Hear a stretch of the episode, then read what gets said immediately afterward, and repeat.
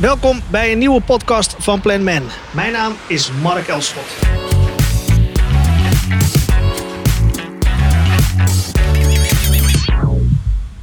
Degene die de planning in handen heeft, die stuurt de organisatie. Dat is nogal een boute uitspraak om een podcast mee te beginnen, maar het klopt absoluut. Ga maar na. Goed ingerichte planprocessen, die worden uitgevoerd door capabele mensen en ook nog eens een keer ondersteund worden met de juiste technologie. Dat is wat organisaties succesvol maakt. Vanuit deze wetenschap is PlanMan in 2007 van start gegaan en nog steeds dagelijks met hart en ziel succesvol actief op het gebied van workforce management. Dat doen wij binnen de zorg, de overheid en binnen klantcontact. In deze podcast spreken we over de voordelen van het uitbesteden van de planningswerkzaamheden. Wat zijn daar de voordelen van en voor wat voor organisaties past dat? Daarover ga ik vandaag in gesprek met mijn gast Rens Vossen, outsourcingsmanager bij Planman. Hi Mark. Outsourcing is eigenlijk wel een hele rode draad in jouw cv, hè? las ik. Ja, stiekem wel. Ehm, ik ben ooit begonnen bij een uh, facilitair callcenter toen ik studeerde. En uh, nou ja, bij facilitair callcenters uh, wordt klantcontact als het ware uitbesteed aan een derde partij. Uh, en daar heb ik echt jaren gewerkt en het workforce management vak geleerd. En uiteindelijk nu wederom bij Planman bezig met uitbesteding. Alleen dan niet van klantcontact, maar de uitbesteding van workforce management. Komt zo alles toch weer mooi, ja. mooi samen. even voor de goede orde, het uitbesteden van planningswerkzaamheden voor alle verschillende organisaties. Hè? Zorg, overheid en klantcontact. Jazeker, voor alle organisaties. Ja. Gaan we het daar vandaag eens over hebben. Want ik zei het al in mijn introductie. Degene die de planning in handen heeft, stuurt de organisatie. Maar als je het gaat uitbesteden, Rens, geef je dan ook niet het stuur uit handen? Of zie ik dat dan verkeerd? Nou, ja, uh, zo zou je het kunnen zien. Maar eigenlijk, ik, ik zie dat heel anders. Um, je geeft het stuur namelijk, uh, je geeft het wel uit handen ten dele. Uh, maar je zit zeker nog op de passagiersstoel om instructies te geven. Maar degene die nu met dat stuur aan de slag gaat, dat is als het ware een professionele chauffeur. Die weet precies welke routes die moet rijden, hoe die de files moet omzeilen. die weet van alle regels. en die zorgt dat je heel snel van A naar B komt. Terwijl ik rustig op de achterbank de dingen moet doen die al mijn aandacht daadwerkelijk vereisen. Precies. Nou, dat is een hele mooie beeldspraak.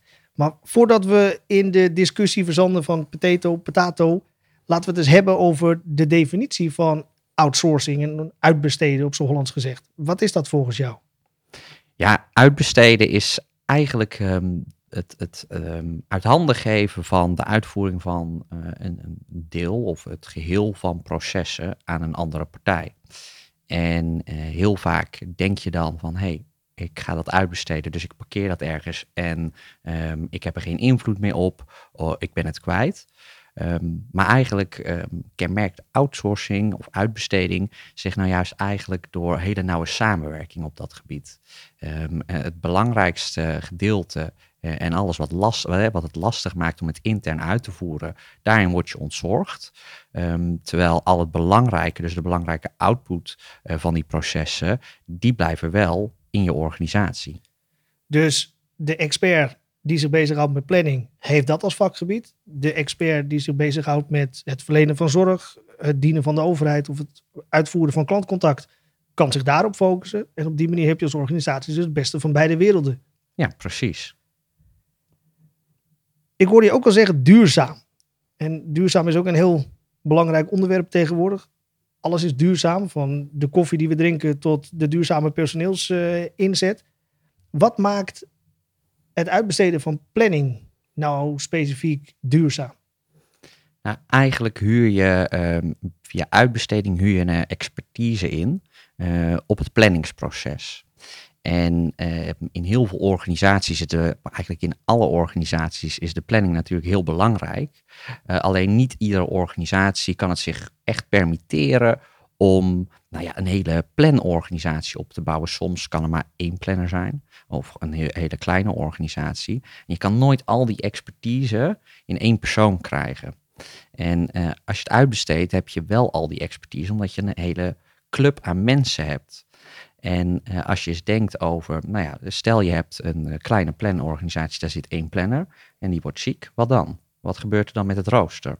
Ehm, ehm, wat nou als die planner eh, nou ja, niet voldoende wordt uitgedaagd? Eh, dan gaat hij op een gegeven moment weg. Want die planner ontwikkelt zich en die wil misschien doorgaan bouwen richting forecast specialist. En die denkt, oh joh, dan moet, die, dan moet ik dat roostertje ook nog maken.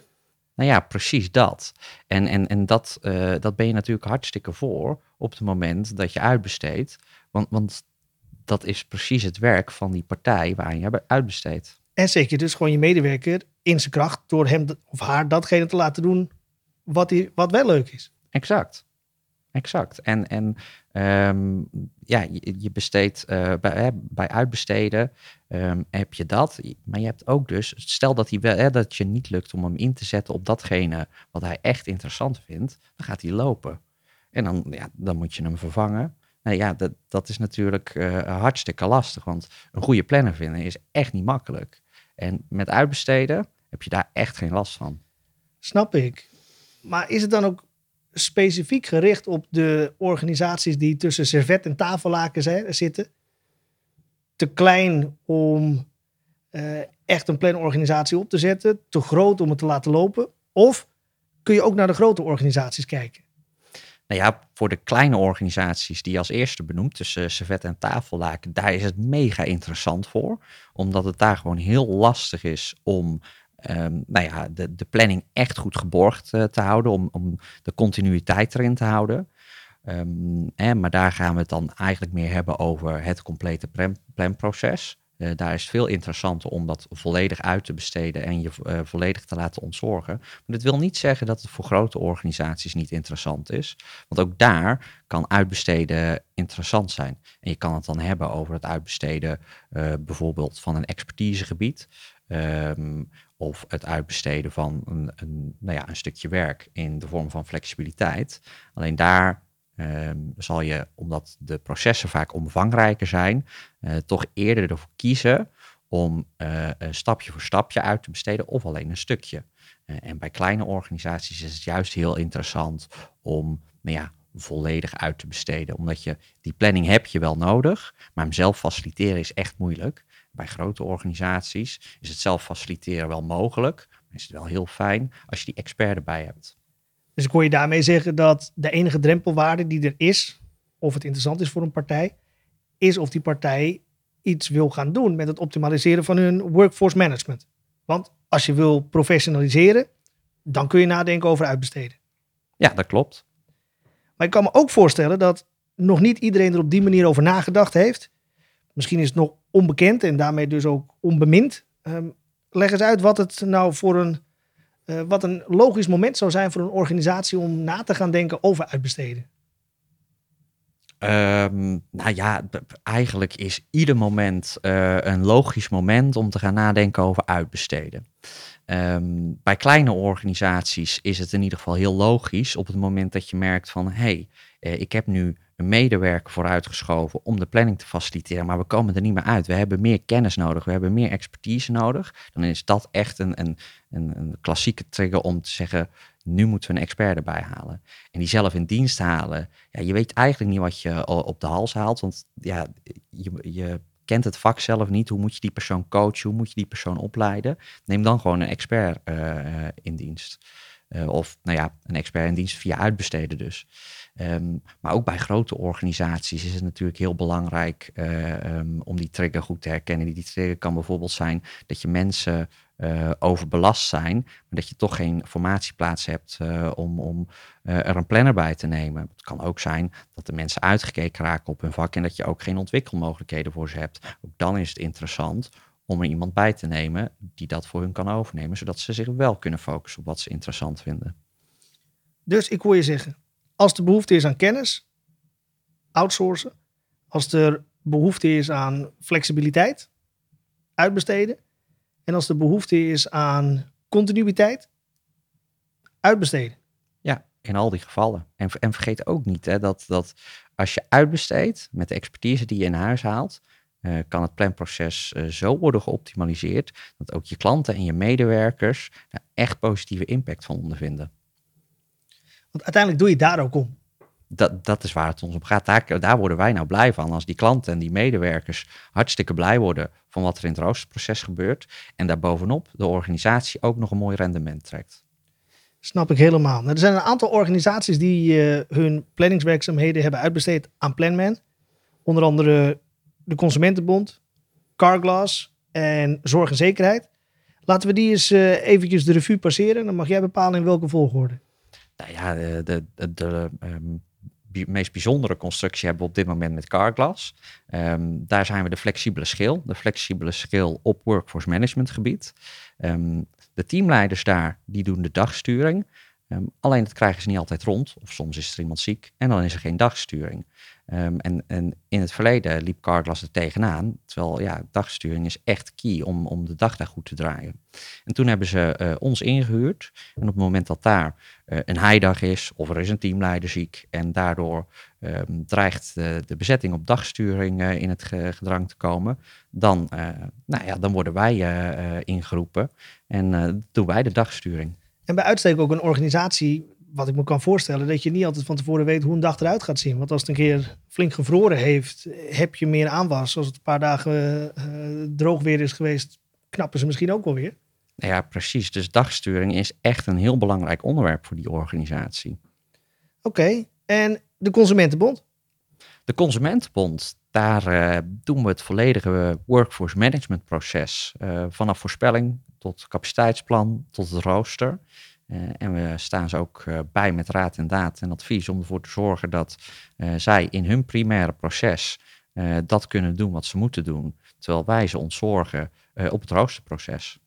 En daarmee de volwaardige WFM-afdeling, maar niet meer in het pand, op afstand. Ja, precies, op afstand. En dan tot slot zorg en zekerheid.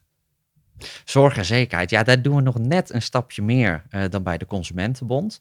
Uh, want ook daar doen we het volledige workforce management proces. Uh, maar daar doen we ook de software. Wij hebben de software, wij onderhouden die. en als er daar problemen zijn met de planningssoftware, ja, dan, dan, dan zijn wij er ook weer. En eigenlijk zijn we daardoor voor zorg en zekerheid de echte one-stop shop geworden. Ja, toppunt van samenwerking. Een mooi partnership wat je op die manier bewerksteld hebt. Is het dan allemaal ook uurtje factuurtje? Of neem je ook echt die eigenaarschap op resultaatafspraken, Rens? Nee, we nemen ook wel echt um, uh, eigenaarschap op resultaatafspraken. Um, we werken in de meeste gevallen met een vast tarief. Uh, en binnen dat vaste tarief, daar gelden een aantal resultaatafspraken. Um, en we zorgen er ook voor dat we die resultaatafspraken met elkaar meten, uh, bespreekbaar maken. En daar waar ze afwijken, dat we met elkaar bepalen hoe dat kan en wat we eraan gaan doen om ze weer binnen de bandbreedte te krijgen. Je gaat dus ook meteen een uh, verbindenis aan met elkaar die langer is dan uh, de gemiddelde uitzendperiode.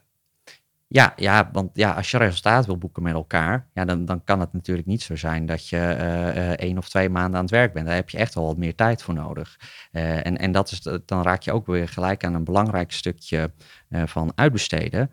je moet ook een vertrouwensband hebben en die opbouwen en verstevigen. En, en ja, dat doe je niet in een maand. Nee, daar heb je meer tijd voor nodig.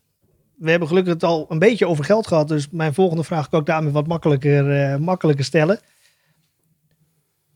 business cases zijn natuurlijk wel belangrijk. Hè? Want het idee begrijpen we, het idee worden we enthousiast van. Maar uiteindelijk zal iemand vanuit de directie of uh, de raad van bestuur een besluit moeten nemen. En die willen toch een business case zien. Welke kosten-baten kun je in die analyse opnemen? Ja, nou, je, je kijkt natuurlijk uh, bij een business case al heel gauw naar hè, wat kost het mij om het uit te besteden. Uh, en wat zijn nou de, de loonkosten? Um, en, en als je dat tegen elkaar afzet, uh, als je alleen die twee tegen elkaar afzet, ja, dan, dan ga je wel scheef. Uh, omdat je meer dan alleen loonkosten hebt natuurlijk uh, bij een interne planorganisatie. Je hebt opleidingskosten, coachingskosten um, en, en überhaupt de gehele loonsom. En op het moment dat um, de, de resultaatafspraken die, die, die je met ons hebt, als je die niet behaalt, als we die niet behalen, ja, dan heb je gewoon ook echt een, een, een punt om uh, over te spreken. Intern heb je natuurlijk ook een punt om over te spreken, maar dan heb je heel veel herstelkosten. En de kans dat uh, die resultaatafspraken niet wordt behaald bij, bij het uitbesteden, ja, die is wel een stuk kleiner, omdat we natuurlijk echt wel met een hele organisatie van professionals zitten en zoveel ervaring daarin hebben. Um, dat, ja, dat is gewoon echt enorme toegevoegde waarde. En ja, als je naar een business case gaat kijken, dan moet je dus eigenlijk niet alleen kijken naar wat kost het me om uit te besteden en wat is de uh, volledige loonsom, uh, maar je moet ook kijken naar wat is nog meer de toegevoegde waarde van uitbesteden. Die professionals die extra advies kunnen geven, kan ik dat intern wel faciliteren. En heb ik dus ook een tweede planner die je normaal gesproken niet zou hebben, omdat je daar geen werk voor hebt. Maar die wil je wel hebben, want wij leiden een beetje aan beroepsdeformatie. En wij zeggen altijd, als er ergens één planner zit, één is geen. Ja, dan moet je wel meenemen, want anders zou die planner gewoon de hele dag zitten duimen te draaien. Nou ja, precies. En, en bij uitbesteden heb je daar natuurlijk geen last van, want dat, dat is gelijk het probleem geworden van, uh, de, uh, van de uitbestedingspartij. Uh, en die, die zorgt er echt wel voor dat er meerdere mensen opgeleid zijn om het planproces over te nemen op het moment dat er ziekte is. Ik kan me voorstellen dat als er hier vragen over zijn, dat wij wel kunnen helpen met het maken van de business case. Misschien zetten we wel een templateje op de website. Mm -hmm. in de beschrijving is daar meer over te lezen. Maar oké, alles bij elkaar genomen. Het is zover. We hebben de business case gehad. Iedereen binnen de organisatie zegt: ja, dit is wat we moeten gaan doen. We zeggen ja. En dan? Hoe ziet dat, hoe ziet dat vervolgproces eruit? Ja, het, het vervolg, als iedereen uh, ja heeft gezegd en, en we gaan aan de slag, um, dan gaan we het zogenaamde transitieproces in. En dat transitieproces, uh, daar beginnen we met een inventarisatie.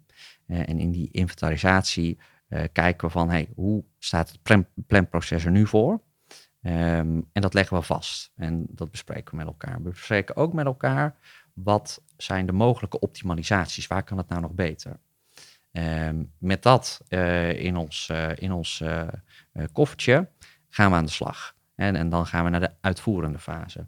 Um, maar we hebben alles met elkaar vastgelegd, zodat we in de uitvoerende fase ook echt goed weten van hey, hier zijn we aan begonnen, dit zijn de afspraken die zijn gemaakt.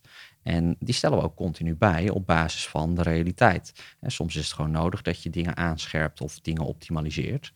En, en dan nemen we dat ook weer mee.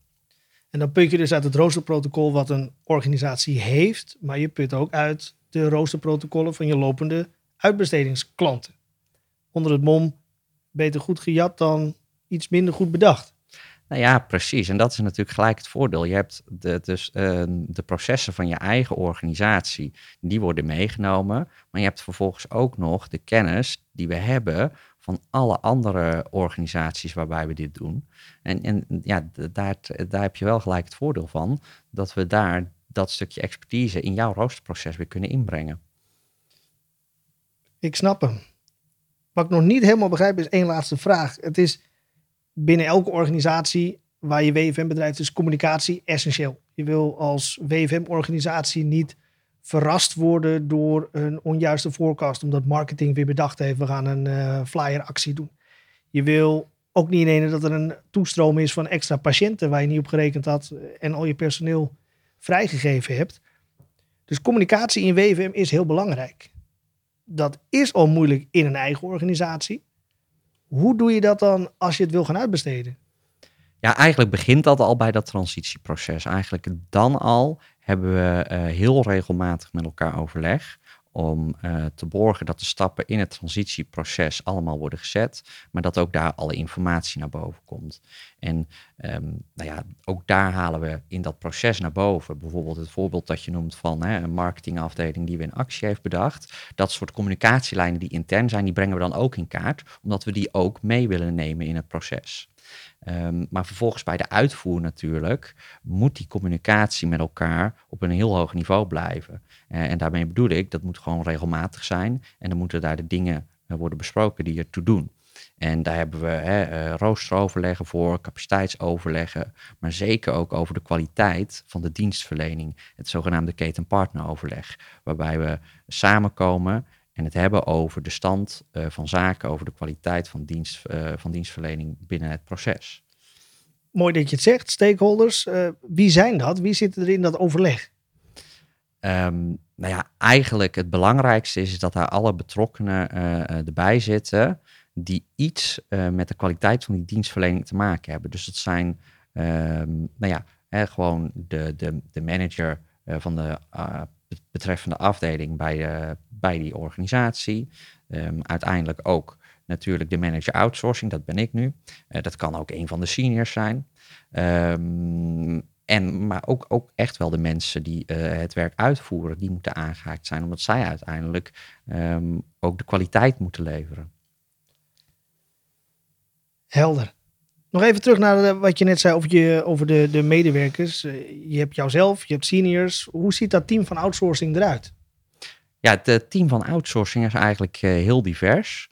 Um, dat bestaat uit um, mensen uit verschillende takken van sport. En daarmee bedoel ik dus ook echt uit verschillende sectoren, zorg, overheid, uh, klantcontact. Uh, er zitten seniors bij, maar er zitten ook, ook onze young talents tussen. En onze young talents, nou ja, die leiden we daar op tot volwaardig BFM-specialist. dus een heel divers en ja, omvangrijk team.